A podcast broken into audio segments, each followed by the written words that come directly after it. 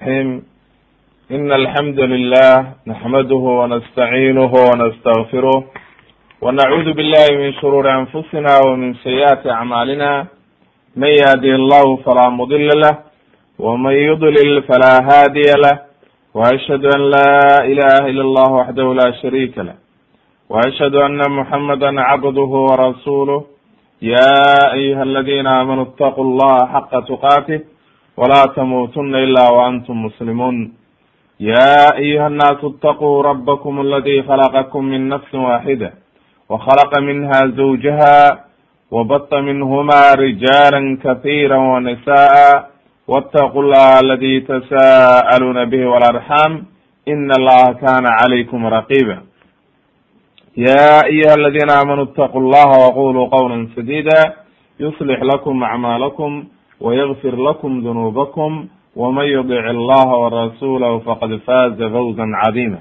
أما بعد فإن أصدق الحديث كلام الله وخير الهدي هدي محمد صلى الله عليه وسلم وشر الأمور محدثاتها وكل محدثة بدعة وكل بدعة ضلالة وكل ضلالة في النار in sha allahu tabaaraka watacaala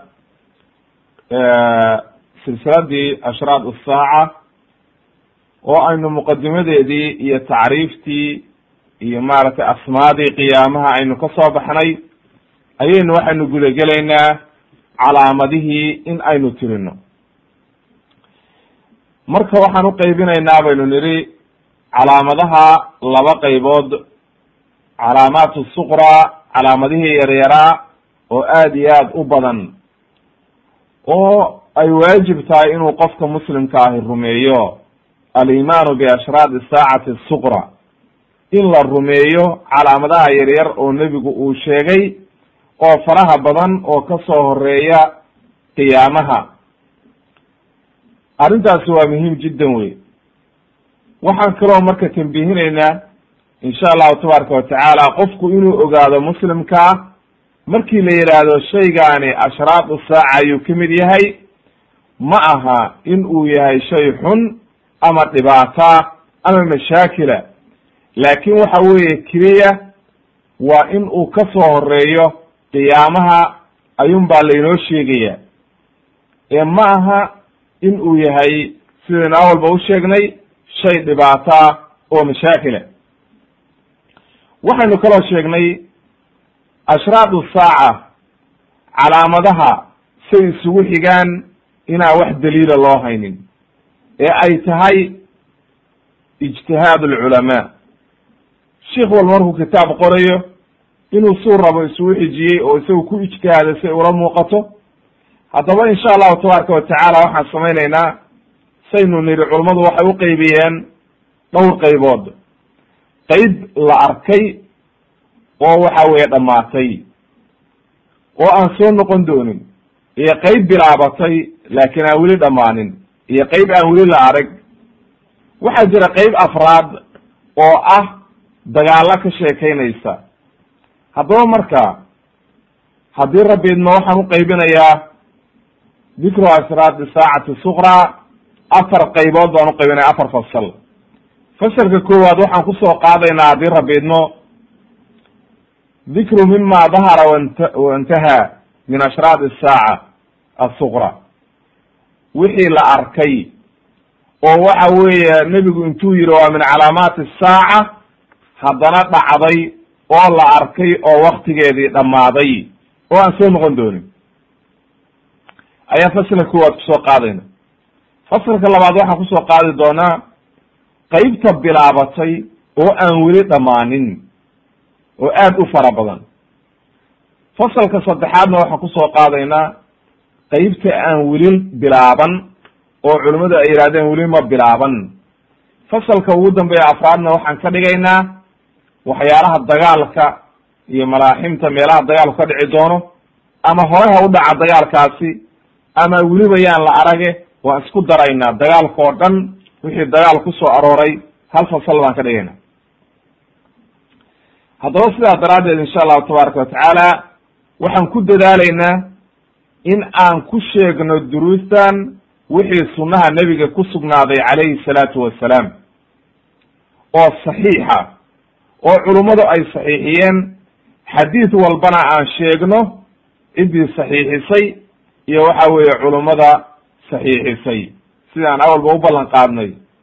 Annagoo ictimaadayna insha allahu tabaaraka watacaala kutubta sheekh albani raxmatullahi caleyh inagoo ictimaadayna laakiin sidaan ku celcelinay ashraad usaaca oo aad u badan khayr iyo sharba way isugu jirtaa. Wax wanaagsan oo waxa weeye dadka wanaag u ah iyo wax dhibaato ah labadaba way isugu jiraan. Waayo nebiga calayhi salaatu wasalaam haddaan tusaale u soo qaadano soo bixidiisii la soo saaray waxay ka mid ahayd ashraad usaaca haddana dee khayr iyo wanaag oo dhan ayaa ku sugnaa oo waxa weeye hidaaye iyo hanuun ayaa ilaahay inoogu keenay oo ku sugnaa. Marka waxaad ogaanaysaa halkaa ka ogaanaysaa wax walba o ashraad usaaca lagu tilmaamay inaysan ahayn xaraam ama waxa weeye dhibaato ee ay wax walba isugu jiraan. Sababta keliya oo loo sheegayo waxay tahay oo macnaheedu uu yahay in ay kutusayso min qurbi saaca. Qiyaamihii inuu soo dhowaaday ay calaamadna u tahay ayuun bay kutusaysaa haddaba marka fasalka koowaad oo ah dikru mima dahara waintaha min ashraad saacati suqra fasalkaa koowaad oo aynu niri waxaynu ka dhigaynaa waxyaalaha la arkay oo nebigu intuu yihi waa min calaamaati saaca la arkay oo dhammaaday. Ko calaamaat saaca marka aad bay u badan tahay taqriiban waxaan ku sheegi doonaa haddii rabbi idmo oo aan adilo saxiixa u helay ilaa iyo toddobaatan ama toddobaatan iyo kow calaamadood ayaan ku sheegi doonaa insha allahu tabaaraka watacala haddii rabbi idmo. Calaamada ugu horeysa o aan ku soo qaadayno fasalkan waxa weeye. Bicthatu nabiy sala allahu alayhi wasalam nebiga soo saaridiisii la soo saaray oo ilaahay inoo soo diray waxay ahayd min calaamaati saaca nebiga calayhi salaatu wasalaam waxa u daliila nebiga qowlkiisii ahaa xadiidkii sahl radi allahu canhu ayaa nebigu wuxuu yihi bu yihi calayhi salaatu wasalaam bucithtu ana wasaacata ka haatayni. Aniga iyo saacadda waxaana la soo saaray annagoo saa isugu xigna ka haatayni sidaas oo kale. Wa yushiiru biisbicayhi fayamudduhumaa labadiisa farood riwaayado kalaa caddeeyey oo inoo caddayn doona labadiisaa farood oo waxa weeye fardhexada oo faraha ugu dheer iyo middaas soomaalida ay yidhahdaan marugsatada oo suulka iyo fardhexada udhexaysa sida ay isugu xigaan oo wax yar ay uga horeyso fardhexadu intaa ciddida barkeed ay ka horeyso saasoo kale ayaan isku nahay bu yidhi ay macnaha anigu waxaan ka soo horeeyaa qiyaamihii iyo saacaddu xilligay dhici lahayd inta fardhexadaasi ay ka horeyso murugsatada oo kale. Xadiidka marka imaam albukhaari baa wariyey raqamka wuxuu ku wariyey fi saxiixi lix kun shan boqol iyo saddex. Wa fi xadiidi anas radi allahu canhu waxaa ku jiray inuu yihi qaala rasuulu llahi sala allahu alayh wasalam bucithtu ana wasaacata ka haatayni. Qaala wuxuu yihi anas wadama asabaabata walwusda. Asabaaba waa middaa aynu soomaalida dhahno murugsatada walwusdaana waa fardhaxada. Labadaa ayuu isku dhejiyey oo saa u tilmaamay. Imaamu muslim ayaa wariyey oo wuxuu ku wariyey kitaab alfitan raqamka toddoba kun iyo laba boqol iyo soddon waa shar raqamka aan sheegayo waa sharxi imaamu muslim imaamu nawowi sharxiga nawowi wey wuxuu kutusayaa xadiidkana wuxuu inoo sii caddeeyey oo tafsiir u sii yahay labada farood oo loo jeedo inay yihiin labada alwusda wasabaaba xadiidka cabdullahi ibni cumar isagana waxaa ku jirtay qaala rasuulu llahi sala allahu alayh wasalam bucudtu waxaa lay soo saaray bayna yaday saaca saacadda horteeda oo macnaha wax yar baan ka soo horreeya waxaana layla soo diray bisayfi xataa yucbad allaha waxdahu laa shariika lah. Ay macnaha uma markii nebiga la soo diray calayhi salaatu wasalaam waxaa layla soo diray buu yihi jihaad iyo dagaal iyo inaan ummadda xaqa gaarsiiyo oo shirkiga la dagaalamo. Inaan shirkiga la dagaalamo oo ilaahay keligii la caabudo oo aan loo shirki yeelin. Wuxuu yihi nebigu marka xadiidkaa isagoo sii waday wa jucila risqii taxta dilli rumxi. Risaaqadaydii oo dhan ba waxaa laga yeelay seeftayda hoosteeda. Ay macnaha waa tuu nebigu mushrikiinta la dagaalamayey oo khanaa'imka iyo wanaagga la helayey oo markaa waxa weeye ummadoo dhan ku noolaanaysay. Wuxuu markaa sii caddeeyey nebigu wuxuu yihi wa jucila adullu waasakaaru calaa man khaalafa amrii dullunnimo iyo waxa weeye hooseyn oo dhan waxaa laga dhigay oo dusha laga saaray man khaalafa amri qofkii amarkayga khilaafa oo diintayda ka leexda waman tashabbaha biqowmin fa huwa minhum qofkii dad isku ekaysiiyana iyaga ayuu ka mid yahay xadiidka imaamu axmed ayaa werinaya iyo waxa weeye imaamu abu yacla iyo dabarani ayaa werinaya fi lkabiir wasaxaxa waa sheekh albani raxmat ullahi caleyh fi saxiix iljaamic raqamka laba kun iyo sideed boqol soddon iyo ko iyo irwa alqaliil kun iyo laba boqol lixdan iyo sagaal. Haddaba xadiidkaasi fawaa'id badan buu leeyahay wuxuuna inoo caddeeyey. Macalshaahidkan ukeenna waxa weeye bucidtu bayna yaday saaca. Waxaa laysoo saaray qiyaamaha hortiisa saacaddii ka hor ayaa laysoo saaray. Waayo waxa loo jeedo oo assaaca waa qiyaamihii markii ay dhacaysay oo waxa weeye markaa adduunka o dhan ay u dhamaanaysay wa fi hadihi alaxaadiis bayaan axaadiistan waxay inoo caddaysay marka markii kulligood la isku daro nebiga calayhi salaatu wasalaam soo saaridiisii inay ahayd min calaamaati asaaca wa annahu bucitha qabla qiyaamiha biqaliil in waxa weeye la soo saarayba intii qiyaamuhu uuna dhicin wax yar ka hor oo waxa weeye qiyaamihii oo soo dhow ayaaba nebiga la soo saaray calayhi salaatu wasalaam.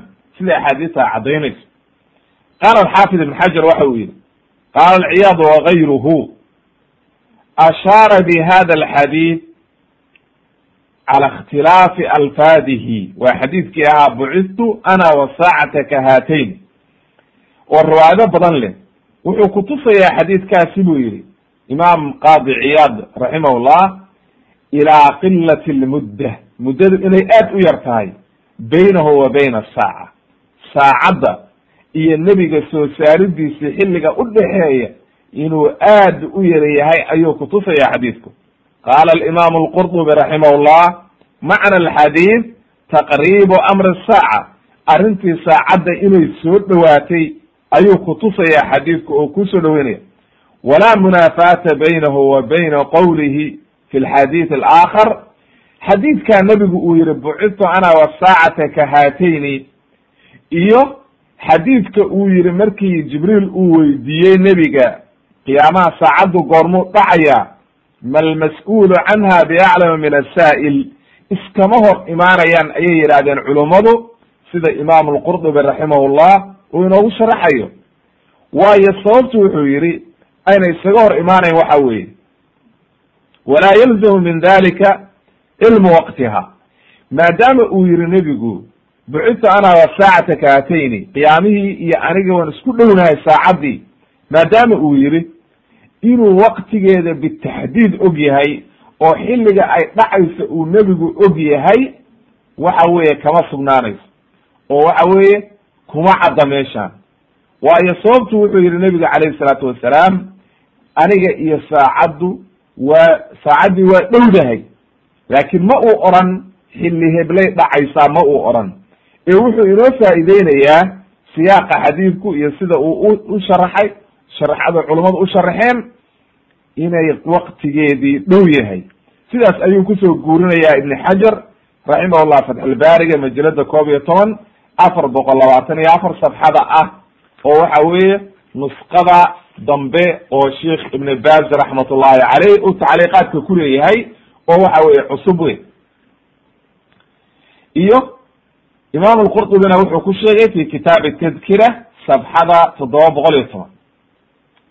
Wa qaala albaydawi buu yihi macnaahu ana nisbata taqadumi albicta annabawiya cala qiyaami asaaca ka nisbati fadli ixdaa alisbicayni cala alukra macnaha wuxuu leeyahay imaam albaydawi macnaha loo jeedo oo xadiidku uu ku caddaynaya waxay tahay. Oo kooban sida labadaa farood ay wax yar u kala horeeyaan ayaa anigu saacaddii uga soo horreeya macnaha saacaddii way dhowdahay aniguna waxaan ka soo horeeyaa saacadda muddo aad u yar sida fartaas fardhexadaahi ay uga horeyso fartaa kale oo murugsatada. Qowlkaa waxaa soo guurinaya asheikh tuwayjiri raximahullah kitaabkiisa itixaaq ljamaaca majalada labaad safxada sideedaad ayuu ku soo guurinayaa qowlka baydaawi. Haddaba intaasoo dhan waxay kutusaysaa marka qiya nebiga calayhi salaatu wasalaam bicitadii la soo saaray in ay tahay qiya calaamaat calaamata min calaamaati asaaca assuqra laakiin waa calaamadaha yaryar sidoo kale waxaa laga wariyey can jubayr ibni mudcim can abihi can inabiyi sala allahu alayhi wasalam jubayr ibni mudcim ayaa aabihi ka warinaya oo waxa weeye waa mudcim ninka la yihahdo ay aabihi buu ka warinaya nebigu inuu yihi calayhi salaatu wasalaam ina lii asma ana muxamed wa ana axmed wa ana alxaashir aladi yuxsharu annaasu calaa qadami. Waxa weye macnaha aladi yuxsharu nnaasu macnaha kii dadka la soo kulminayey gadaalkiisa. Wa ana almaaxi aladi yumxi bihi lkufr ana maaxi baana kii tirtirayey gaalnimada. Wa ana alcaaqib. Macal shaahidka hadda xadiidkaan ukeenay waxa weeye alcaaqib. Ay macnuhu waxa weeye aladi laysa bacdahu nabiyun nebi uuna ka dambaynin oo waxaaba ku xigaba qiyaamu saaca. Marka nebi ka dambeeyaa ma jiro. Imaamu lbukhaari ayaa fi kitaab almunaaqib ku warinaya xadiidka baabu ma jaa fi asmaai rasuuli llahi sala allahu alayh wasalam imaamu muslimna wuxuu ku warinaya fi kitaab fadaa'il. Wa fi lxadiidi bayaanun xadiidkani wuxuu inoo caddaynaya marka nebiga calayhi salaatu wasalaam inuu yahay aakhir alambiya nebigii ugu dambeeyey inuu yahay oo aan nebi ka dambaynin ayuu inoo caddaynaya wa ana annaasa yuxsharuuna khalfahu gadaalkiisana in la soo kulminayo ummadda. Wa ana duhuuruhu fi aakhiri ayaami dunya soo bixidii uu soo baxayna inay tahay aakhir. Aakhirkii ugu dambeeyey xilliyadii ugu dambeysay adduunyada oo adduunyadiiba ay sii dhamaanayso ayuu maaragtay inoo caddaynaya. Qaala alqurطubiy raximah imam alqurdubi wuxuu yihi liannahu nabiyu aakhir zaman. Waayo sababtu waxa weye waa nebigii aakhiru zamaanka la soo diray oo ugu dambeeyey. Waqd waqad bucita walaysa baynahu wa bayna alqiyaamati nabiyun. Macnaha nebiga calayhi salaatu wasalaam soo saaridiisii iyo qiyaamaha nebi uma dhexeeyo.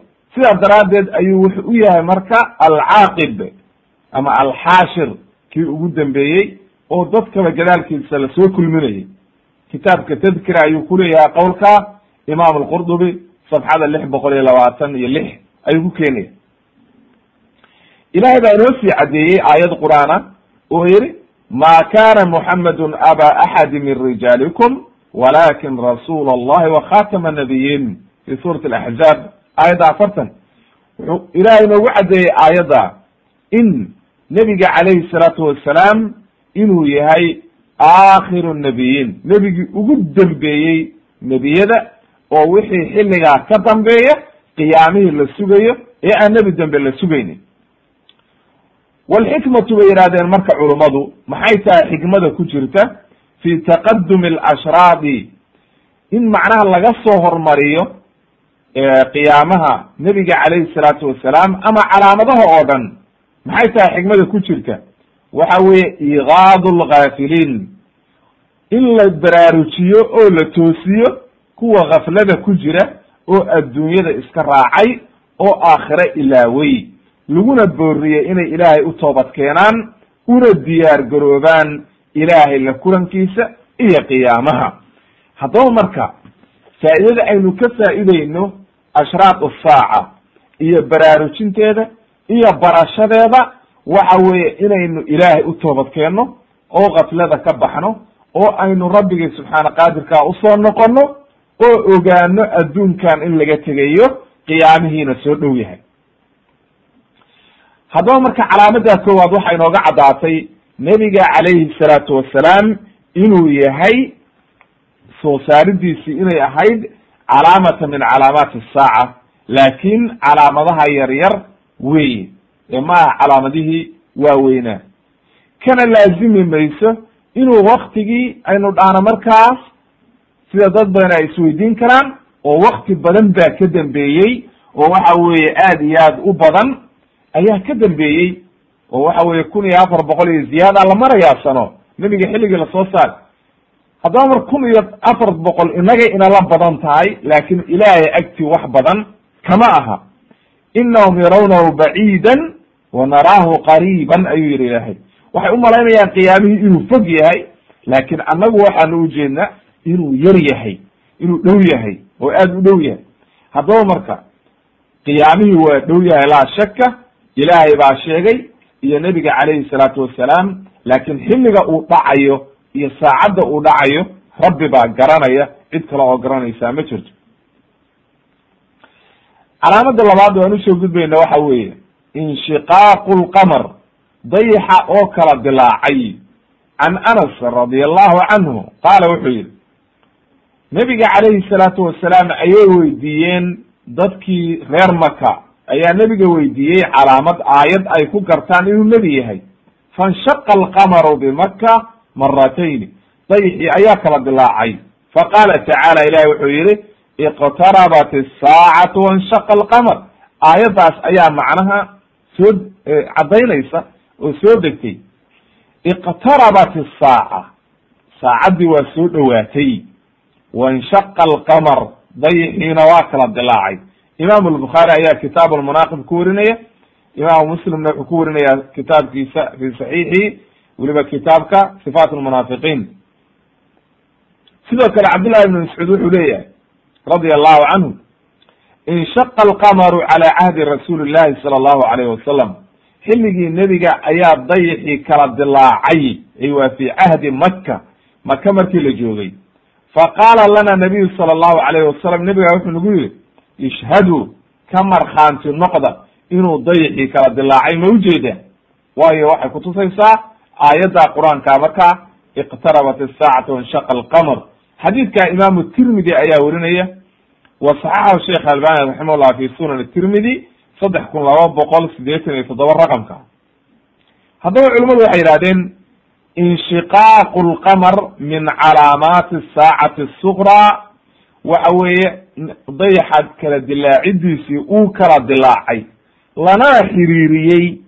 waxa weeye qiyaamihii inuu soo dhowaaday iqtarabat asaacatu wanshaqa alqamar ayuu yihi ilahay saacaddii waa soo dhowaatay dayixiina waa kala dilaacay waxay yidhahdeen culimadu min calaamaati saacati suqra ayay ka mid ahay wa hadihi alaaya ay calaamadan min alqism aladi dahara waintaha walaa khilaafa hada calaamadan inuu dayixii kala dilaacay oo uunan soo noqon doonin calaamadaasina ay gudubtay waa min calaamaati saacati suqraa culamaduna iskuma khilaafsana laakin ilaahay mar kale waa kala dilaacin karaa oo waa awoodaa in allaha cala kuli shayin qadiir. Wax walba ilaahay waa awoodaa laakin aayaddu midda ay ka hadlayso oo iqtarabat asaacatu wanshaqa alqamar waa calaamad dhacday oo xilligii nebiga calayhi salaatu wasalaam la arkay oo waxa weeye maka ka dhacday intuuna soo bahaajirin w calaamada saddexaad mowt nabiy sala allahu alayh wasalam nebiga geeridiisii calayhi salaatu wasalaam dhimashadii uu nebigu dhintay. Oo waxa weeye uu nebigu geeriyooday fidaahu abi wa ummi. Waxa weeye waxay ka mid ahayd min calaamaati saacati suqra maxaa u daliila? Xadiidkii uu imaamu lbukhaari wariyey oo uu ka wariyey can cawf ibni malik radi allahu canhu qaala wuxuu yihi nebiga calayhi salaatu wasalaam ayaa wuxuu igu yihi qaala rasuulu llahi sal ly slam ucdud sitan bayna yaday saaca lix tiri buu yihi madiina la joogaa waa xilligii dambe markaasuu nebigu wuxuu yihi lix tiri lix arrimood tiri oo kow laba dhe markaasuu u tiriyo wuxuu yidhi oo uga bilaabay mowti geeridayda tiri macnaha lix arrimood ucdud sitan lix arrimood tiri o beyna yaday saaca saacadda ka soo horeysa ayaa tirinaysa. Muxuu ka bilaabay nebigu? Mowti geeridayda. Dhimashadii nebiga fidahu abi xadiidka imam albukhaari ayaa werinaya fi kitaab aljizya saddex kun iyo boqol toddobaatan iyo lix. Haddaba lixda lix calaamadood buu sheegay calaamadii koowaad waa tan. Calaamadaha kalena xabad xabad baynu u soo qaadaynaa mid walba meesheeda ayaynu ku keenaynaa laakin waxaad ogaanaysaa xadiidka inuu imam albukhaari wariyey oo xadiis saxiixa u yahay. Haddaba marka culimmadu waxay yidhahdeen faqad kana mowt nabiy sala allahu alayh wasalam min acdam almasaa'ib alati waqacat cala lmuslimiin nebiga calayhi salaatu wasalaam dhimashadiisii aad iyo aad masiibo weyn bay ahayd oo ku timid ummadda islaamka waxay leey wuxuu leeyahay saxaabadu waxay leeyihiin sida anas iyo faqad adlamat iddunya cuyuuna asaxaaba macnaha adduunkii o dhan baa la madoobaaday markii nebigu dhintay saxaabadii oo waxay istiraadeen adduunkii o dhan ba waa madoobaaday. Waayo sababtu waxa weeye sida anas uu leeyahay nebiga calayhi salaatu wasalaam markuu madiino soo galay wax walba way ifeen nuur iyo wanaag buu keenay diin buu keenay ummadii baa xaqii iyo wanaaggii fahamtay cadaalad iyo wanaag oo dhan baa la helay. Markuu dhintay laakiin waxyigii baa joogsaday. Mar haddii waxyigii joogsadayna hadda khaladaad baa imaanaya. Oo waxa weeye waxa weye ummadii dee saxaabadu macsuum ma aha. Oo qof walba hadhow markaa waxaa imaanaysa dhibaato. Sidaas daraaddeed marka ayay saxaabadu aad iyo aad u naxeen markuu nebigu dhintay calayhi salaatu wasalaam. Haddaba saxaabadana nebiga calayhi salatu slam aad bay u jeclaayeen jacaylkay jeclaayeen. Ayaa keenaysay marka inay aad iyo aad u naxaan oo adduunyadii o dhan ba ay is yihaahdaan adduunyadii o dhan ba waa madoobaatay. Way laakin macalshaahidkan hadda u keenayna waxa weeye inay nebiga geeridiisii ay ahayd min calaamaati saaca ummadaha qaar baa aaminsan oo odhanaya nebigu ma dhiman. Ee waa dhuuntay. Arrintaasina waa caqiido baatila. Oo waxa weeye aan diinta islaamka shaqo ku lahayn. Ilaahay baa yidhi innaka mayitun wa inahum mayituun adigana waa dhimanaysaa iyaguna way dhimanayaan. Kullu nafsin daa'iqat lmowt qof walba waa dhimanaya. Way marka waxa weeye in la yidhaahdo nebigu waa dhuuntay inagaa laynaga qariyey. Laba yaan la isku khaldin. Waxay deliishadaan axaadiid ay khalad u fahmeen oo odhanayaan nebigu waxa uu ku nool yahay xayaata barzakhiya. Xayaata barzakhiya ummadoo dhan ba qof walba oo dhintay wuxuu ku jiraa xayaata barzakhiya. Oo waxa weeye adduunka nolosha marka lagu noolaado aakhire intaan la gaarin qofku markuu dhinto barzakha. Waxa weeye waa nolol udhaxaysa adduunka iyo aakhiro oo qofkii mu'min ahaana wanaag iyo waxa weye uu ku jiro raaxo iyo waxa weeye nicmo wanaagsan. Qofkii gaal ahaana uu ku jiro ama munaafiq ahaa ama dhibaato kale la yimid cadaab iyo dhibaato uu ku jiro haddaba taasi cidno iskuma inkirsana. Laakin in la yidhaahdo nebigu adduunka ma dhiman waa arrin khalada marka nebiga waa dhintay calayhi salaatu wasalaam ilahay baana kitaabka qur'aanka ku caddaynaya oo aayado qur'aana caddaynaya. Waxa weye qof walbana inuu dhimanayo ilaahay baa dushiisa ku qoray. Wax dhibaatada ay keenaysana ma aha tanqiisna ma aha. Marka waa caqiide xun arrintaa in la aamina ha la iska ilaaliyo. W calaamada afraad waxa weeye oo aynu ku keenayno fatxu bayt lmaqdis furashadii la furtay bayt lmaqdis bayt lmaqdis waxaa la yihahdaa waa wada macruuf waa qudus oo waxa weeye dhulka falastiin. Haddana waxa weeye yahuuddu ay xooga ku haysato.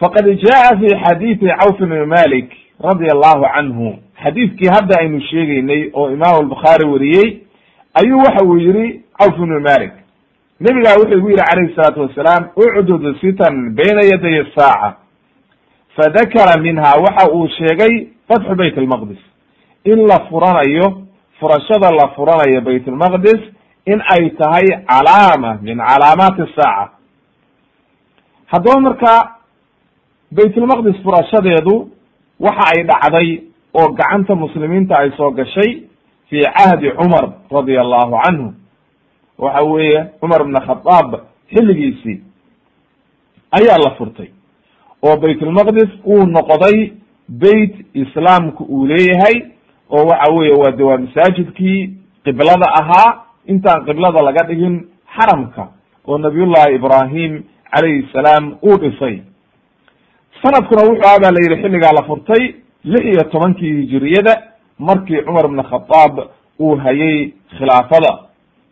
Halkaa ayuu tegey ba la yidhi cumar sida ahlu siyarku warinayaan oo waxa weye cumar intuuba tegey oo la heshiiyey dadkii halkaa deganaa oo hagaajiyey oo ka dahiray markaa diimihii kale oo waxa weye ayuu noqday markaa masaajid waxa weeye islaamku ku cibaadaysto.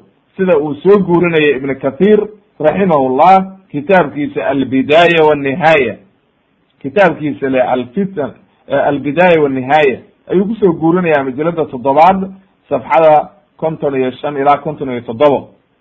Haddaba halkaa waxaa inooga caddaatay marka. Fatxu bayt almaqdis xilligaasay dhacday. Muslimiintaana gacanta ku dhigay oo muddo badan gacanta ku hayay ilaa xilli dhow mooye oo waxa weeye yahuudi dib u qabsatay. Haddaba culummadu waxay leeyihiin fatxu bayt almaqdis laba arrimood buu dhacaya. Xilliga aakhiruzamaankana oo waxa weeye dagaalo badan ayaa lagu sheegay inay ka dhacayso halkaa waa inoo imaan doonta.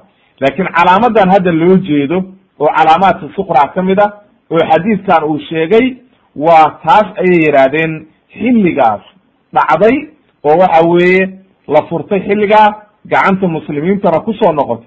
Kabacdi markii muslimiintu iyagu daciifeen oo diintoodii iyo waxa weeye ay ka daciifeen ayaa markaa kabacdi waxa ay noqotay inay waxa weye yahuudi dib u qabsato. Laakiin ilaa haddaba waxa weeye masaajidkii muslimiin ayaa ku tukada oo waxa weeye waa weli waa beyt islam wey ama xilliga dambe oo dagaaladu ka sheekeynayaan taas gadaal bay inooga imaanaysaa oo waa aakhirka oo waxa weye calaamadaha dambe ayay ka mid tahay. Calaamada shanaad waan ku soo qaadayna waxa weeye daacunu camwas magaalada la yihahdo camwas wa hiya beldatun fi falastiin. Magaalo falastiin ku taala oo camwas la yihahdo ayaa waxaa ka dhacaya buu yihi nebigu calayhi salaatu ayaa waxaa dhacday in daacuun khatara uu ka dhacay. Nebiga calayhi salaatu wasalaam xadiidkii hadda aynu soo maraynay oo imaamu albukhaari weriyey oo labada calaamadood aynu ka sheegnay uu yihi nebigu ucdud sitan bayna yaday saaca. Ayuu waxa uu sheegay markuu yihi fatxu bayt almaqdis ayuu wuxuu yihi macnaha mowti markuu yihi uma bayt fatxu bayt almaqdis tii saddexaad ayuu nebigu wuxuu yihi uma kabacdi markii baytulmaqdis la furto muutani oo miimka la godo muutani ya'kudu fiikum ka qusaasi alghanam muutani ay macnaha geeri adag ayaa dhacaysa. Imam albukhaari baa warinaya marka waxay leyihin culummadu muutani oo miimka la godo waxa weye almowt lkathir geerida aad u badan wey oo waxa weeye tarab tarabta loo dhinto oo aad iyo aad loo loo le-do oo dad badana ay dhintaan ayaa la yidhahdaa muutani ama miimka oo la kordhigo la yihahdo mowt waa geerida caadiga. Wuxuu yihi ka qusaasi alghanam waxa weeye cudurkaasi arigu ku dhacaa waa cudurka waxa weeye xoolaha ku dhaca oo ariga sanka ayaa waxaa ka imaanaya la yihi balqan iyo duuf iyo malax markaasuu isla markaba dhimanaya waxa weye waxyaalahan xoolaha laayo wey oo waxa weeye ariga aad u laaya. Ama markaa waxaa dhahdaa maaragtay cudurka qanjaha iyo waxa weye kudka iyo waxyaalaha la yihahdo oo waxa weye dadka xoolaha dhaqda ayaa aad u yaqaan. Cuduradaa marka ku dhaca xoolaha wey sidaasoo kale ayuu idii baabi'inaya oo macnaha aad iyo aad ayuu ugu dhacaya. Ayuu leeyahay maaragtay xadiidku inoo caddaynaya. Qaala alxaafid ibn xajar raximahullah waxa uu yihi ina hadihi alaaya aayaddaani daharat calaamadaani way dhacday. Fi daacuuni camwaas magaalada camwaas la yidhahdo ayay ka dhacday fi khilaafati cumar. Xilligii cumar ayay dhacday wa kana bacda fatxi bayt lmaqdis markii la furtay bayt lmaqdis ayay dhacday. Sida uu ku soo guurinayo fatxalbaariga majrada lixaad saddex boqol soddon iyo afar safxada. Waxayna ahayd ba la yihi sannadkii sideed iyo tobankii hijriyadu markay ahayd. Markii lix iyo tobankii la furtay bayt lmaqdis oo laga soo gadoomay ayay kabacdi sida mashhuurka ayay dhacday marka xanuunkaani uu dhacay waqaca hada daacuun fi camwaas uma intashara fi ardi sham magaalada camwaas ayuu ka bilaabmay kabacdina sham oo dhan ayuu markaa ku faafay famaata fiihi kathiiru min asaxaaba saxaabo badan baa ku dhintay ragga mashhuurkaa waxaa ka mid a abu cubayda camir bni jaraax amiinu hadihi lumma ayaa ka mid a raggii ku dhintay xanuunkaas saxaabo badan baa kula kula artay waa daacuunkii cumar markii uu ka soo baxay sida siyarku ay wariyeen markuu ka soo baxay madiina oo u soo socday sham markuu sham yimid sham u soo dhawaa ayaa waxaa la yidhi inta laga hor yimid. Abu cubayda iyo rag inta waa la daacuun baa ka dhacay sham markaasuu wuxuu la tashaday saxaabadii raggii muhaajiriintii ansaartii odayaashii maka kulli wuu la tashaday. Markay iskhilkhilaafeen marka ayuu keligii markaa isagoo intuuna go'aan qaadan ayaa waxa u yimid o macnaha qaar waxay yidhahen aan noqono qaarna waxay yidhahdeen aan gallo ilaahay tala saarano kabacdi baa waxa u yimid cabdiraxmaan ibni cawf.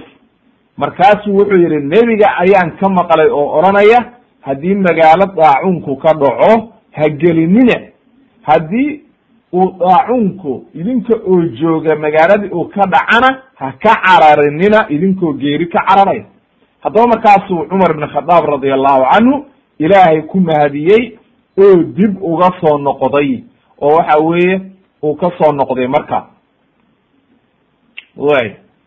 Haddaba marka calaamadaanina xilligaasay dhacday oo xanuunkaas geeridaa khatarta oo aad iyo aad loo leeday xilligaas ayay dhacday oo waxa weeye way gudubtay. Iyadana culummadu waxay leeyihiin calaamadaasina way dhacday way gudubtay. Calaamada lixaad waan u imaanayna waxa weeye. Dhuhuru naar alxijaaz naar dab soo baxay oo dhulka xijaaz xijaaz a dhulka carabta la yihahdaa sacuudiga iyo eriyadiisa iyo dhulkaasa la yihahda xijaaz ka soo baxay.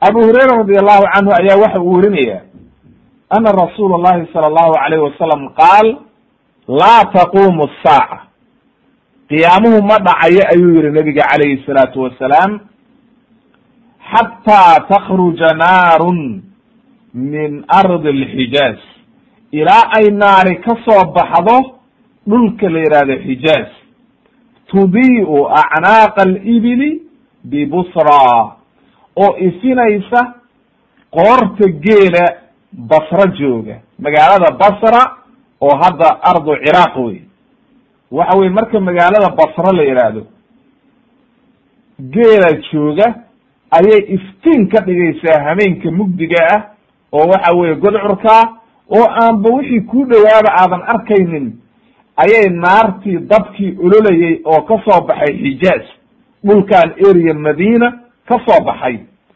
Ayaa iftiinkiisi wuxuu gaarayaa meesha la yidhaahdo basra. Akrajahu imam lbukhaari ayaa xadiidkaa werinaya raqamka toddoba kun iyo boqol iyo sideed iyo toban. Imaamu muslim wuxuu ku werinayaa raqamka toddoba kun laba boqol iyo sideed iyo toban oo kitaab alfitan ay macnaha sharx imam nawowi ka kalena waa fatxulbarig haddaba marka calaamadan waxay leeyihiin culummadu sida imaamu nawowi iyo keyrkiiba ay soo guurinayaan waqad daharat hadihi naar fi muntasafi alqarn asaabic alhijriy waxa ay dhacday ba la yidhi arrintaani oo soo baxday xilligii kala barkii markay ahayd qarnigii toddobaad oo hijriga ayay soo baxday qarnigii toddobaad toddoba boqol markay ahayd qaala alimaamu nawowi raximah llah waxa uu yihi kharajat fi zamanina waa xilligii imaamu nawowi uu joogay ayuu ka hadlaya leannahu qarnigii toddobaad ayuu imaam nawowi ahaa. Wuxuu yihi marka kharajat fi zamanina naarun bilmadina madiine ayay ka soo baxday dabkaasi ololaya madiine ayuu ka soo baxay xilligeeni sanadku markuu ahaa arbaca wa khamsiin wa sita mia lix boqol iyo konton iyo afartii markay ahayd oo qarnigii toddobaad dhexdiisii lagu jiro ayay soo baxday. Wa kanat naaran cadiimatan jiddan. Naar aad u weyn ayay ahayd oo ololaya oo aad iyo aad u weyn. Waxayna ka soo baxday buu yihi oo ka bilaabatay min janbi lmadina asharqiy xaggan qorax ka soo baxa madiina oo macnaha dhinaca madiine u dhow. Waraa alxara meelaha la alxara waxaa la yihahdaa dhulka dhagax madowga leh. Dhagaxa la yihahdo dhagax shiilka oo madow oo dhulkan area madina ayaa dhagaxa ku badan.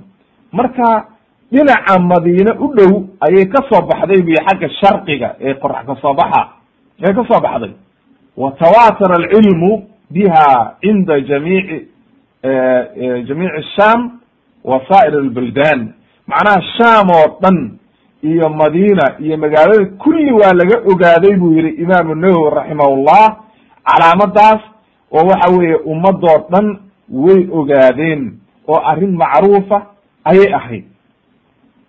Imaamu nawowi wuxuu leyahy raximahullah wa akhbaranii wuxuu ii sheegay man xadarahaa ciddii joogtay halkaa ayaa ii sheegtay oo min ahli lmadina madina reer madiine aha.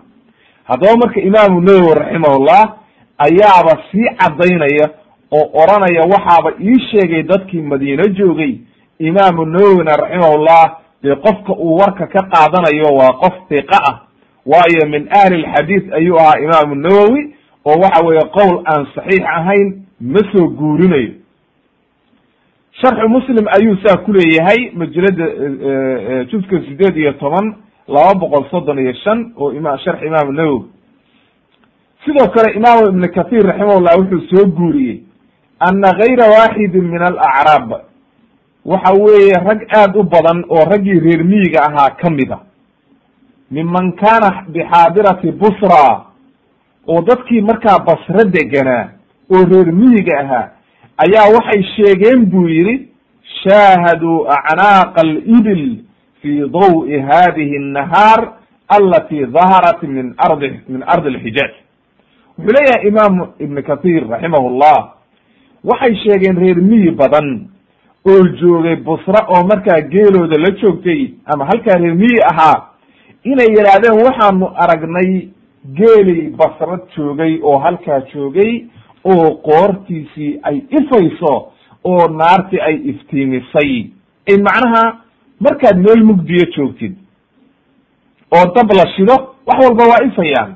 Oo matalan xoolihii meeshay joogeen haddii dab weyn laga ag shido de geela surkiisii iyo qoortiisii waad arkaysaa waayo meeshii mugdigii ayaa baaba'aya.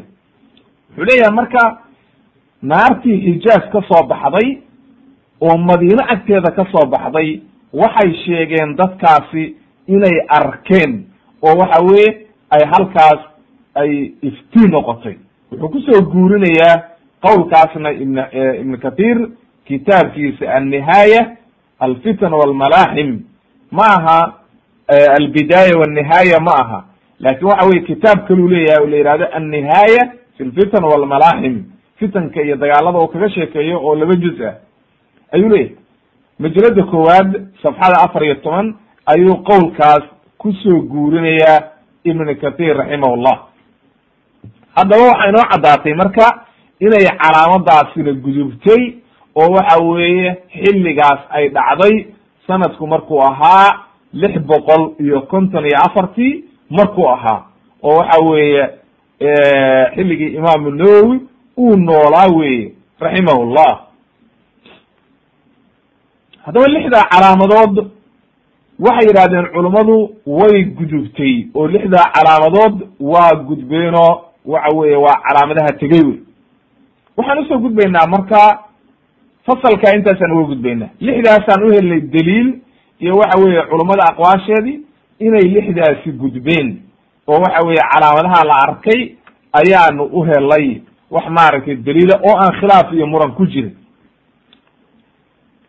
Fasalka labaad marka alfaslu thani dikru mima dahara walam yantahi min ashraati saacati sukra waxyaalaha bilaabmay oo waxa weeye calaamadaha saacadda calaamadaha yaryar ka mid a oo bilaabmay aan welina dhammaanin oo socda oo la arkay.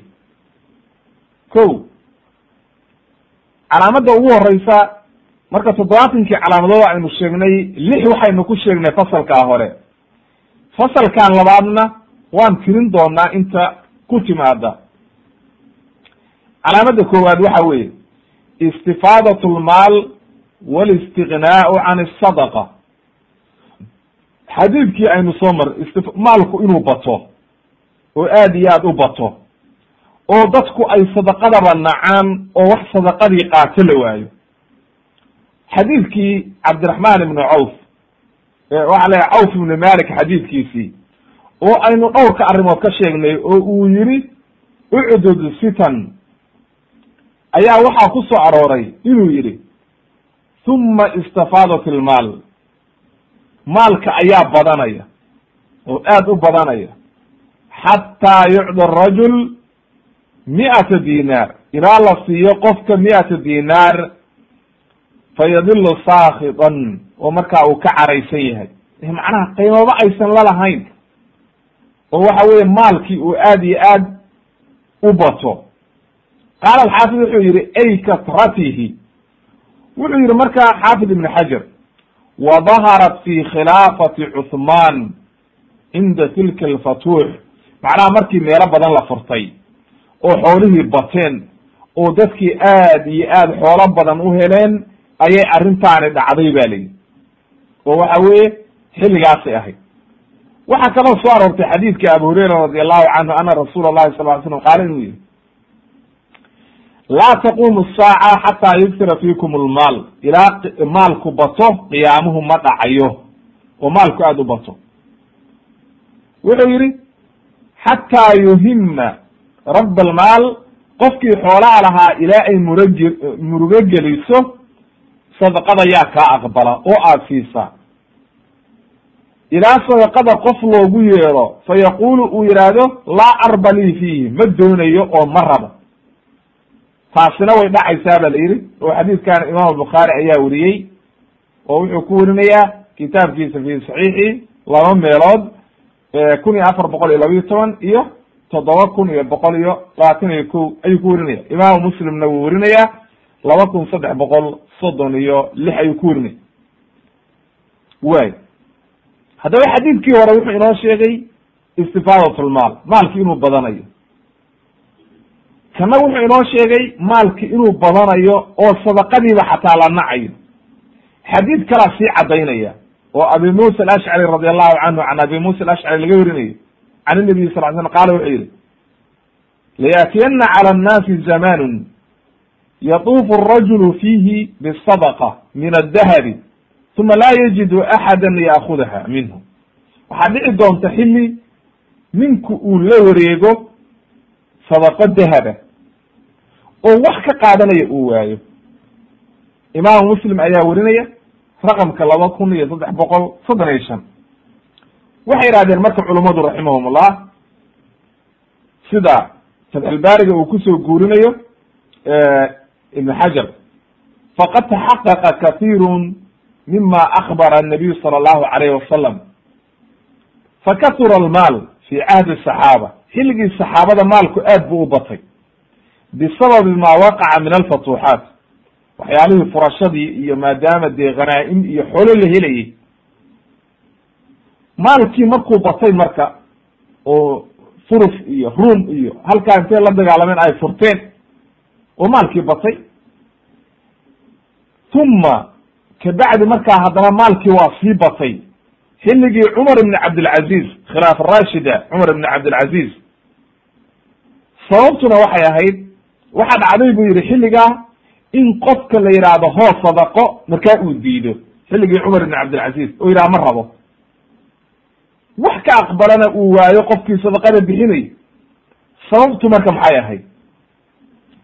Sababta waxaa keentay cadligii uu u sameeyey ummadda u sameeyey cumar ibn cabdilcaziz qof walba baytulmaalkii baa ka batay. Qof walba xoolihii markii la siiyey meelu geeyu waayay dadkii oo dhan ayay ku filaatay baytulmaalkii xoolihii muslimiinta ayaa ku filaaday.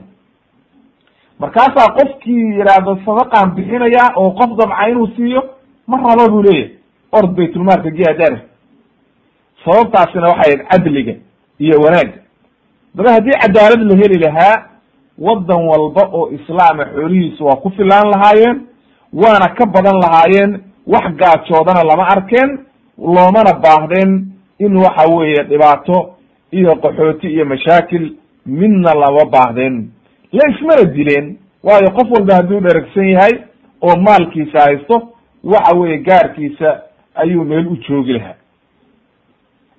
Way haddaba marka cumar ibn cabdilcaziz raximahullah iyo xilligii saxaabadaba saasaa dhacday in maalkii wax aqbalo la waayey. Calaamadaa waxay yidhahdeen culummadu way dhacday marka. Way bilaabatay. Ma dhammaan marka. Waxaa dhici doonta bay dheheen culummadu sida xadiidkaa odhanaya layaatiyana al cala nnaasi zamanun. Wax iyo xadiis soo socda wuxuu yidhi waxaa dhici doonta sida ibn xajar ay soo gurinaya wa ama faydu lmaali aladi yaqacu fi zamani ciisa. Xilligan nabiyullahi ciisa uu soo degi doonana waxaa dhici doonta inuu maalku aad u bato. Oo wax aqbalo la waayo oo waxa weeye qofkii uu la wareego dahab iyo fido uu yidhaahdo waryaan siiyaa oo ku sadaqaystaa oo zakadii iyo sadaqadiiba wax u baahan in la waayo. Wuxuu yidhi ibnu xajar raximahullah marka iyo keyrkiiba sababtuna waxa weeye oo keenaysa arrintaa katrat lmaal wa qilat nnaas dadkii oo yaraada wa istishcaaruhum biqiyaami saaca saddex arrimood baa isugu kulmaysa xilligaa.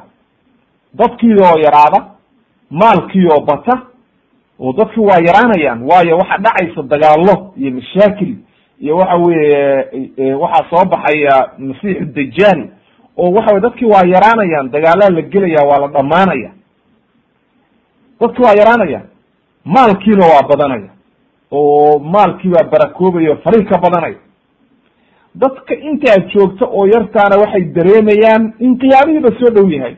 Waayo waa inagaan hadda akriyayno odhanayna oo inoo imaan doonto inuu nabiyullahi ciisa iyo masiixu dajaal iyo calaamaati saacati alkubraa bay ka mid yihiin oo calaamadaha markay bilaabato qiyaamihiiba aan waxba ka harin. Marka dadkii markay dareemaan inay qiyaamihii soo dhowaado dee maba rabaan adduunye marka iyo xoolaba ma rabaan? Sidaas ayuu ku leeyahay fatxulbaariga ibn xajar majalada saddex iyo toban boqol iyo afar safxada ah. Haddaba marka qowlkaas ayaa maaragtay ugu wanaagsan. Intaan arkay in la yidhaahdo calaamadan istifaadatulmaal way bilaabatay oo waxa weye xilligii cumar ibn cabdilcazizna way dhacday gadaalna way ka dhici doontaa.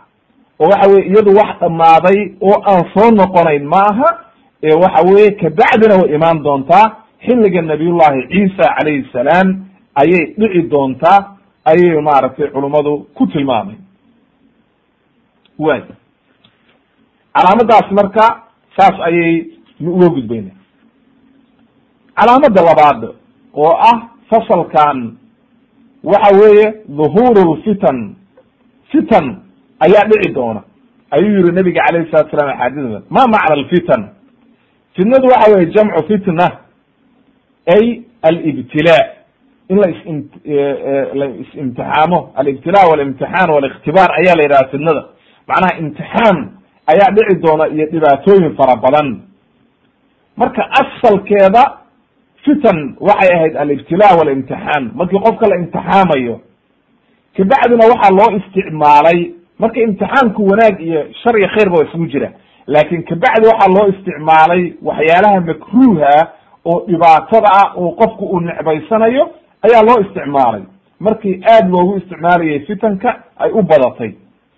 Idimka iyo dhibaatada iyo qitaalka la islaynayo iyo waxa weeye dagaalada iyo mashaakilka dhacaya ayaa loo isticmaalay. Marka fitan waxa weeye alibtilaau walimtixaan imtixaano badan iyo dhibaatooyin badan ayaa dhici doona oo dhibaato ah oo mashaakila sidaas ayuu ku ku sharaxayaa ibn alathir fi kitaab الnihaaya fi garib alxadiid safxada majalada saddexaad saddex boqol iyo lixdan iyo sideed safxada ah raximahullah ibn alathir.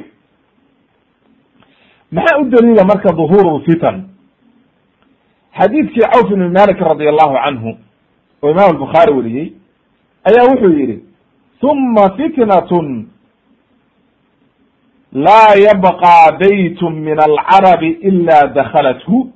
Macnaha markii dhowrkii arrimood hore ucdud fitan uu yihi nebigu oo geeridiisii iyo waxa weye fatxu bayt lmaqdis iyo la soo sheegay iyo iyo mawtkii faraha badnaa ayuu markaa kabacay nebigu wuxuu yihi huma fitnatun fitnaa dhacaysa imtixaan laa yabqa baytun guri uunan haraynin min alcarab carabta marka waxa loo jeedaa ay jaziirat alcarab dadkii muslimiinta ah oo madiina iyo maka iyo dhulkaa joogay carabta ilaa dakhalathu way gelaysaa guri walba way gelaysaa qaala alxaafid waxa uu yihi wlfitnatu lmushaaru ilayha fitnadan la tilmaamayo waxa weeye oo ay noqotay biqatli cuthmaan. Cuthmaan radi allahu canhu geeridiisii dilidii la dilay ayay fitnadaani noqotay wastamarat alfitnatu bacdahu gadaalkiisii kabacdi markii cuthmaan la dilay intii ka dambaysay fitnadii way socotaa oo waxa weeye ma joogsan wey. Way waayo sababta waxa weye khilaaf rashida markii la dilay oo imaamkii dhamaa muslimiinta la dilay fitan baa bilaabmay waxa weye ummadii oo dhan halaagtay ayaa bilaabmay وعن أبي musa ashcari radi allahu canhu qaala wuxuu yihi qaala rasuulu lahi sala allahu alayh إن ina يدي yaday saaca fitanan الليل qadci leyli lmudlim waxa weeye qiyaamaha hortiisa waxaa dhacaya fitan fara badan ayaa dhici doona sida habeenka mugdiga oo kale fagadabay yimaado yusbixu arajulu fiiha mu'minan. qofkii wuxuu waa isagoo muslim oo mu'mina wa yumsi kafiran wuxuuna galabaysanaya isagoo gaala wa yumsi mu'minan wa yusbixu kafiran wuxuu waa galabaysanaya isagoo mu'mina waxa uu waa ber waa berisanaya isagoo gaala haddaba waa arrin aad iyo aad u khatara oo waxa weye aad iyo aad mashaakil u ah xilliga noocaasa ayayna arrintaasi imaanaysaa bu yihi nabiga alayh salatu salaam gaalnimo isdaba jooga wuxuu yihi nebigu alqaacidu fiiha khayru min alqaa'im. Qofka taagan oo ka istaaga fidnada ee ka fariista alqaacid waa kan fariista oo ka fariista ayaa ka khayr badan kan taagan. Matalan kan taagani waa eegaya laakin kan ka fariistay oo aan waxba ku darsan ayaa ka khayr badan. Waalqaa'imu fiiha khayru min almaashi kan taagan laftigiisu wuxuu ka khayr badan yahay. Kan u soconaya waayo ninkii meel iska istaagoo dusha ka fiiriyey. Dee kan u socday oo ku dhex jira hadde waa ka fidna yar yahay. Wuxuu yihi marka haddana waalmaashi fiiha khayru min assaaci kan tartiib u soconaya oo iska soconaya oo fidnadii ku dhex jira laakin wuxuu dhaamaa isaguna kan u ordaya oo waxa weye aad iyo aad uga qayb qaadanaya ayaa laga wadaa. Way. Wuxuu nebigu marka inoogu tusaaleeyey markay arrintaa dhacdo wuxuu yihi fakasiruu war jejebiya ay macnaha jisayakum macnaha ay qawsakum qawskiina jebiya. Macnaha dagaalaminina xilliga fidnadaasi dhacdo war seeftaada iyo warankaaga iyo wixii aad ku dagaalamaysay jejebi oo waxa weeye wuxuu yihi wadribuu suyuufakum bilxijaara. War seeftaada dhagaxa inta ku dhufati jejebi fain dukila calى axadi minkum baytuhu baytuhu falyakun ka khayri bni aadam. Haddii midkiin idinka mida labad midkiin idinka mida oo muslima gurigiisa loogu soo dhaco horta fidnadii ha ka qayb qaadanin dagaalka ha ka qayb gelin banaanka ka mar haddii gurigaaga lagugu soo dhaco waxba ha dilin xataa. Noqo kii khayrka badnaa oo labadii wiil oo nabiyullahi aadam qaabiil iyo haabiil markuu qaabiil doonaya inu walaalkii dilo walaalkii muxuu yihi aniga waxa weye lain basata ilaya yadaka litaqtulanii ma ana bibasida yadaya ilayka liaqtulak inii akaafu allaha rab alcaalamiin aniga gacan kuu fidin mayo buy markuu yihi waan ku dilaya laaqtulanak ayuu yihi aniga haddaad gacanta iisoo fidisid oo rabtid inaa i dishid anigu ku dili mayo. Kuna dagaalami mayo. Waayo maxaa doonaya? Inii uriidu an tabu'a biitmi wa itmika fatakuna min asxaabi innaar haddaba marka waxaan doonayaa dembigaygi iyo adigu inaa xambaarsatid adigu idil laakin anigu kula dagaalami mayo oo ku dili mayo. Haddaba nebigu wuxuuna leeyahay noqo ka khayri bani aadam wiilkii fiicnaa oo khayrka badnaa oo nabiyullahi aadam oo kala noqo ayuuna leeyahay ee ha dagaalamin. Xadiidka imaamu axmed iyo abu dawud iyo ibn maaja iyo xaakim ayaa werinaya wa saxaxahu sheekh albani raxmat ullahi caleyh fi saxiix iljaamic raqamka laba kun iyo afartan iyo sagaal iyo irwa alqaliil laba kun shan boqol iyo toddobiyo toban iyo silsilati axaadiis saxiixa kun iyo shan boqol soddon iyo shan intaba waa ku saxiixi. Haddaba xadiidkan wuxuu ina baraya oo ina tusaalaynaya inaynu aad iyo aad uga dheeraano waxyaalaha qitaalka iyo fitanka iyo dhibaatada. Waa waxa maanta waddankeena ka socda oo kale oo dagaalka iyo qabaa'ilka iyo dhibaatada la isku laynayo. Ama waxa weeye axzaabta islaynaysa ama diin ha la isku laayo war laba qof oo muslimiina hadday isdilaan waa fitan. Noocay doonaanba ha isku dileen. Jihaadna lama yidhaahdo mar hadday laba qof oo muslimiina isdilayaan sidaa daraaddeed ayay culummadu waxay leeyihiin dagaal kasta oo dhex mara dadka muslimiinta yuqaalu fitan fitan ayaa la yidhaahdaa haddaba marka waa in aad iyo aad looga digtoonaado.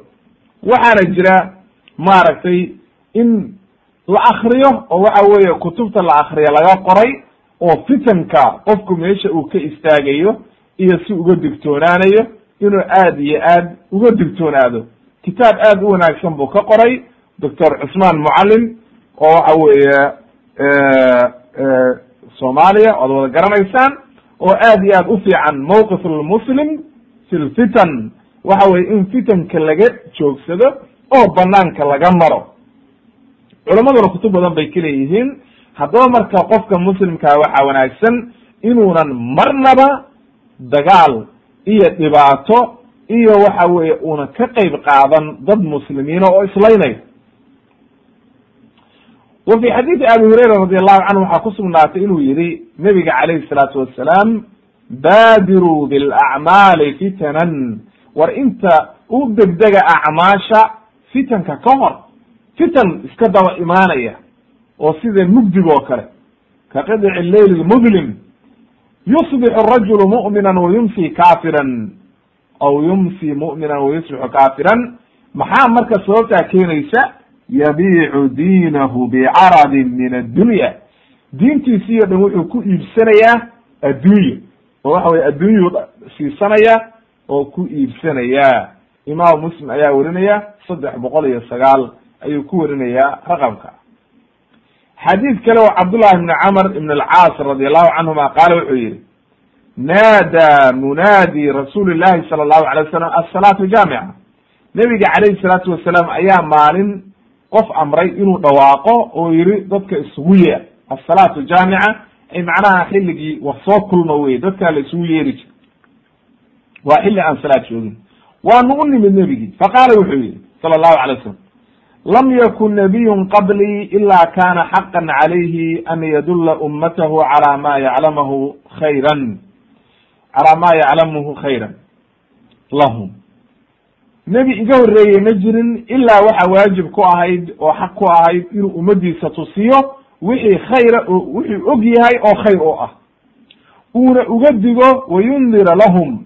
Inuu uga wayundirahum inuu uga digo ma yaclamuhu sharan lahum wixii shar o ahna inuu uga digo. Wa ina ummatakum haadihi jucila caafiyatuhaa caafiyatuhaa fi awaliha ummadaydan ummaddan ummadiinan wanaageedii waxaa la yeelay awelkeeda horaanteeda wa sayusiibu waxaa haleeli doona aakhiraha aakhirkeedana balaa-un shadiid arrin aad u daran oo bala ah oo dhib badan ayaa ku dhici doonta. Wa umuurun tunkiruunaha. Iyo arrimo aad inkiri doontaan. Wa tuji-u fitanun. Fitan ayaa imaan doona. Aad iyo aad khatar u ah ayaa imaan doona. Oo dhibaato badan ayaa dhici doonta. Markaasuu nabigu wuxuu fitanun. Fa yuraqiqu bacduhaa bacdan. Macnaha fitan waxaa dhici doonta qaarkoodba qaarka kale uu jilciyo. Macnaha fitantii horaa kula yaraanaysaba. Fitankii dambe tii dambe markay timaado oo dhib badan tii horaaba wax fudud kula noqonaysa waayo sababtu waxa weeye mar walba oo fitna timaadaba tan ka dambaysaa ka sii dhib badan oo ka sii shida badan tii horaa marka kula fududaanaysa oo odhanaysa war tii horaaba fududayd markii fitankii timaado ayaa qofka mu'minkaa wuxuu odhanaya haadihi muhlikati tanaa i halaagaysa markay faydanto mid ka darana timaado ayuu wuxuu odhanaya haadihi haadihi alla tan lagu baaba'aya waa tan. Nebigu marka wuxuu ina tusaalay inu inoo caddeeye meesha looga baxayo maadaama fitankii iska daba imaanayaan oo daba joog ay tahay oo dhibaatadii aynan yaraanayn oo waxa weye mar walba ay sii badanayso xaggee looga baxaya rasuulka ilaahayo wuxuu yihi nabiga calayhi salaatu wasalaam faman axabba qofkii jeclaada qofkii jecel an yuzaxzixa can innaari naarta in laga durkiyo wayadk wayudkhil aljana jannadana la geliyo ama uu jannada galo falta'ti maniyatuhu wa huwa yu'minu billahi walyawmi alaakhir ha u timaado geeridiisii maniya waa geerida. Geeridiisii ha u timaado. Isaga oo ilaahay iyo maalinta qiyaamo rumaysan. Waliya'ti ila annaasi. Dadkana ha ula yimaado ha kula dhaqmo aladi yuxibu an yu'taa ilayhi wixii uu jecel yahay isaga in loola yimaado. Macnaha sidii aad jeceshahay akhi in dadka aad ula dha kula dhaqmaan wanaag dadku kuu sameeyaan adigana wanaaggii dadka ula imow oo ha dhibaataynin. Wuxuu yidhi waman baayaca imaaman faacdaahu safqata yadihi wa tamarata qalbihi qofkii waxa weye imaam la baayactama. Waa imaam khilaafo ah oo waxa weye ummadii o dhan markaa hogaaminaya. La baayactama ma aha imaam hoose ama xisbi gaara ama jamaaco gaara. Intay samaystaan amiir yaraahda annagu waxa weye beecan ku jirnaa fa hada laa yajuus diinta islaamka kuma banaana beecada waxaa lala geli karaa imaamka. Oo waxa weye ummadoo dhan hogaaminaya oo waxa weye markaas ayaa ay ku bannaan tahay ama in la yidhahdo jamaaco gaara imaam yeelanaysa fa hada batilun sida ay culummadu caddeeyeen raximahum allah culamaau salaf saalix ridwan ullahi calayhim. Iyo culamaa lmucaasiriinba sida ay caddeeyeen sida sheekh ibn baz sheekh sheekh albani sheekh cuthaymin kulligood iyo keyrkoodba sida ay caddeeyeen ma ay banaano arrintaasi dad badan baana ku khaldamay ilahay inay uga toobad keenaan wey wuxuu yidhi marka nebigu qofkii imaamkaa la baayactama oo beecadii gala falyucdih ha siiyo fal falyudichu ha adeeco mastadaaca intuu awoodo. Macnaha inta aad awoodi karti waa inaad adeecdaa wain jaa aakharun. Hadduu mid kale yimaado yunaasicuhu kula doodaya oo ku qabsanaya xukunkii adribuu cunuqa alaakhar diinta islaamku ma taqaano jabhadayn iyo waxa weye in la is-inqilaabo oo la isqabsado midna ma taqaano. Haddii qof lala baayactamay oo islaamkii u dhiibeen oo waxa weye dadkii ahlulxalli waalcaqdi dadkii caqliga lahaa dadkii culummada ahaa dadkii wax garanayey ay nin madaxweyne a la baayactameen oo u dhiibeen xukumkii ma banaana cid kale inay ku qabsato imaamu muslim ayaa werinaya afar kun iyo toddoba boqol iyo konton iyo saddex ayuu ku werinaya imaamu axmedna sidoo kale waa werinaya haddaba marka axaadiistaasi aad bay u badan tahay. Waxayna inoo wada caddaynayaan inuu fitan dhici doono oo fitinkaasi uu bilaabmay. Haddaba marka axaadiis badan ayaa ku soo aroortay waqad amara annabiyu sala allahu calayhi wasalam attacawuda minha. In fitanka ilaahay laga nabad laga magan galo ayuu nebigu ina amray. Oo wuxuu yidhi tacawaduu billahi min alfitan maa dahara minha wama badan. War ka magan gala ilaahay fitanka wixii daahir noqdoo muuqday iyo wixii qarsoonba ilaahay ka magan gala. Imaamu muslim ayaa werinaya sidoo kale wa akbara wuxuu inoo she adaba marka xadiidka wuxuu ina barayaa inaynu ilaahay fitanka ka magan galno nacuudu billahi min alfitan. Ilahu fitanka naga nabadgeli. Wa akbara wuxuu inoo sheegay ana aakhir hadihi lumma ummaddan aakhirkeeda inuu haleeli doono dhibaato iyo fitan iyo mashaakil aad u badan. Walaysa hunaka makrajun minha ila aliimaanu billahi walyawm alaakhir waluzum alkitaaba wassunna cala fahmi salaf asaalix ridwan ullahi calayhim fitanka dhici doona oo faraha badan oo dhacay oo maanta aynu ku dhex jirno saddex arrimood baa looga baxaya oo waxa weeye isku mid ah oo isku shardi ah oo iska laazimaya saddexdaa arrimood waxa weeye qofkii meel kale ka raadiya waa ku waa ku lugo-aya aliimaanu billah in iimaan ilaahay la rumeeyo. Oo waxa weeye aliimaanu billahi markaynu leenahay waxaynu ka wadnaa aliimaanu birububiyati macnaha tawxiidki inaad la timaadid inaad birububiyati wa biluluhiya wa biasmaa'ihi wa sifaatihi inaad tawxiidkii oo kaamila la timaadid ood ilaahay rumaysid. Rabbinimadiisa inaad rumaysid.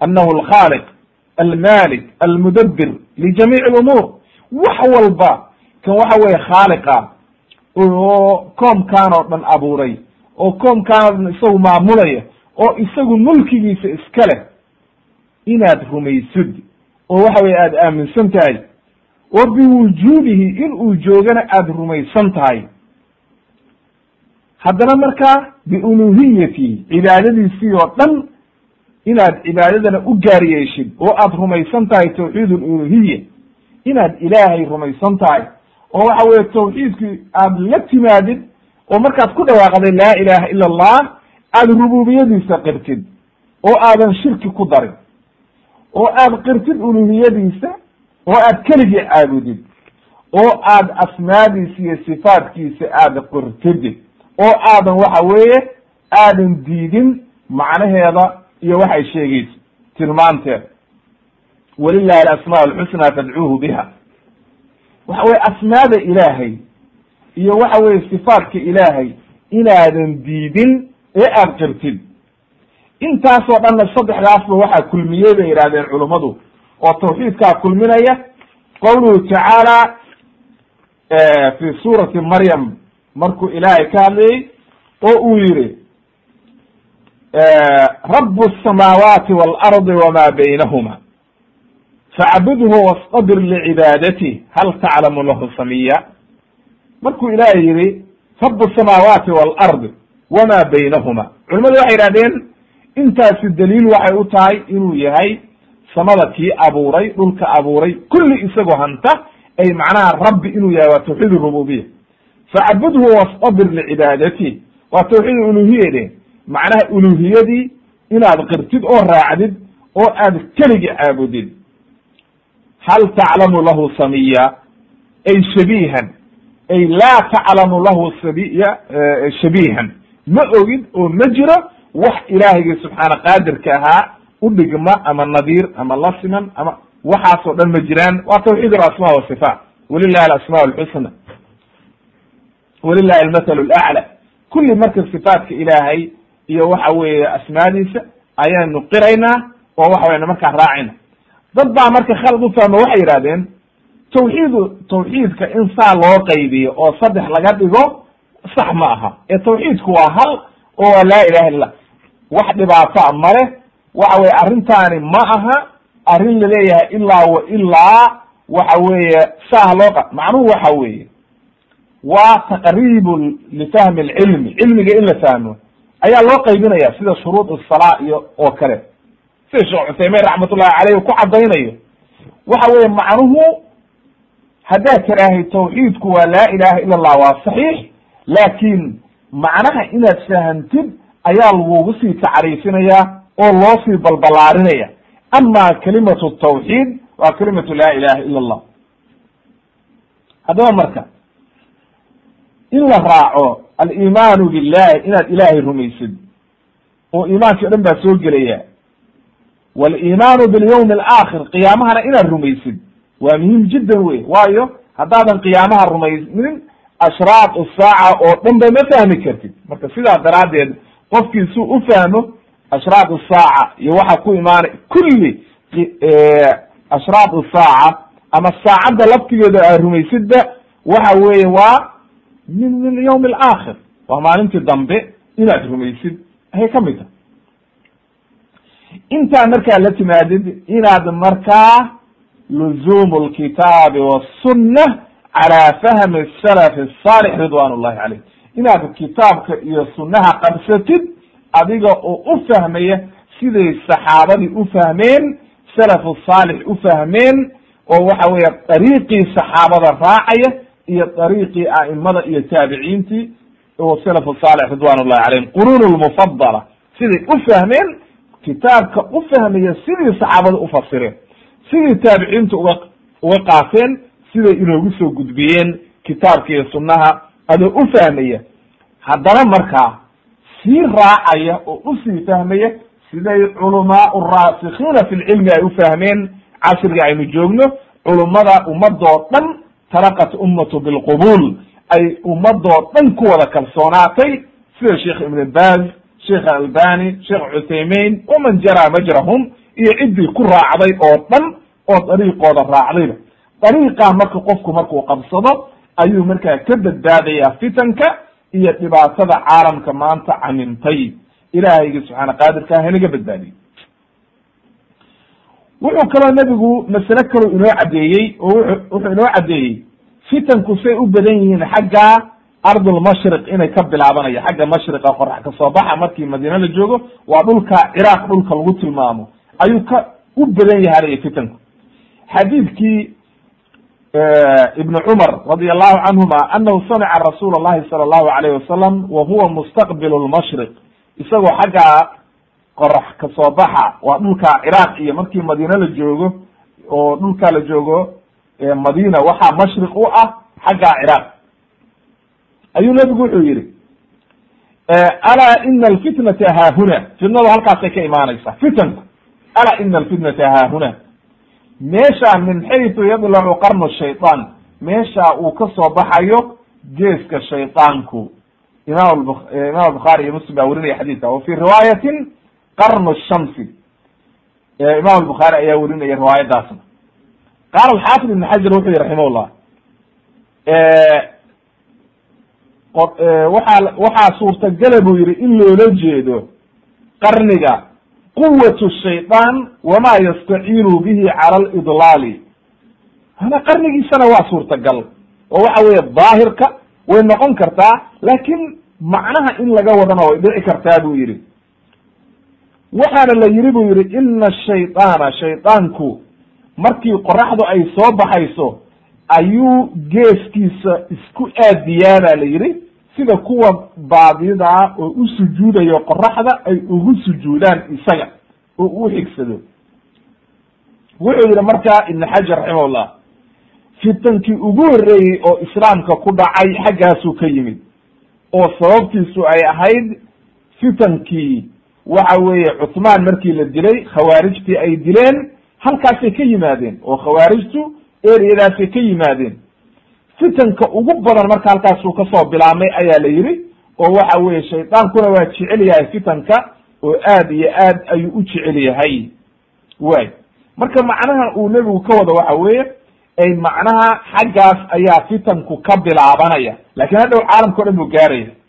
Wuxuu yihi ibn xajar wakadalika albidac bidcada oo dhan nasha'at min tilka aljiha halkaa ayay ka bilaabatay raafida xaggee ka timid oo waxa weeye nimankaa shiicada iyo khawaarijtii muctazila qadariya kulli waxoo dhan halkaasay ka wada bilaabeen ba la yidhi sida uu ibnu xajar ku soo guurinayo fatlbaariga majirada saddex iyo toban safxada konton iyo sagaal. Haddaba marka fa min alciraaq dahara alkhawaarij ciraaq ayay ka soo baxeen ba la khawaarij shiicada raafida batiniya qadariya jahmiya muctazila wa gayruhu min alfiraq addaala kulligood halkaasay ka bilaabmeen ayaa la yidhi wa bada'at alfitan fi cahdi asaxaaba markii cuthmaan la dilay ayay bilaabatay oo khawaarijtii ay soo baxeen kabacdina waxaa ku xigtay muctaziladii iyo rawaafida ayaa ku xigtay intaasoo dhan iyo keyrkoodba xilligaas ayay aad iyo aad u soo daahireen oo u yimaadeen. Haddaba marka ilaahigii subxaana qaadirka ahaa waxaan weydiisanaynaa ilaahay inuu naga badbaadiyo fitankaa faraha badan oo waxa weeye aad iyo aad u badan in allihii subxaana qaadirka ahaa naga badbaadiyo ayaan rabbigii subxaana qaadirkaa weydiisanayna oo waxa weeye inagoo ilaahay tala saaranayn. Waayo arrintaasi aad iyo aad ayay u badan tahay. Laakiin macnaheedu ma aha markii la yidhaahdo fitanku wuxuu ka soo baxayaa ciraaq macnaheedu ma aha inay tahay ardulciraaq ard dhul aad u xun oo dhibaato badan oo mashaakila. Ma aha macnaha loo jeedo saas. Ee waxa weeye dad dhib badan baa ka soo baxaya laakiin wanaagna way leedahay. Oo waxa weeye ummad culamo badan baa ka soo baxday oo aad iyo aad u wanaagsan ayaa ka soo baxday. Oo waxa weeye culamaa lislaam muxadithiin waxa weeye baqdad ayay ka soo wada bixi jireen. Marka aad iyo aad bay u leedahay wanaag fara badan oo islaamka ay u soo gudbisay. Laakiin fitan fara badanna waa ka imaanayaa sidaa daraaddeed marka in aad iyo aad loo digtoonaado ayaa nebigu inoogu boorinaya oo inoogu caddaynaya inuu fitanku xaggaa ka bilaabanayo. Dee khawaarijtii baana markaa ka bilaabatay oo islaamkao dhan dhibaato u geysatay oo aad iyo aad mashaakil islaamka ugu geysatay. Sidaa daraaddeed marka waa in aad iyo aad looga digtoonaado waxyaalaha fitankaa innaga marka muhiimadda aynu hadda u baahannahay waxa weeye inaynu fitanka ka dheeraano oo waxa weye aad iyo aad bay khatar u yahay fitanku oo waxa weye in fitanka laga dheeraado oo aad iyo aad looga digtoonaado ayaynu waajib inagu ah inaynu u sacayino oo aad iyo aad uga digtoonaano insha allahu tabaaraka watacaala halkaa ayaan ku joojinaynaa dersigaas kabacdina way inoo sii soconaysaa haddii rabbi idmo wa subxaanaka allahuma bixamdika ashhadu an laa ilaha illa anta astakfiruka waatuubu ilayk walxamdu lilahi rabi alcaalamiin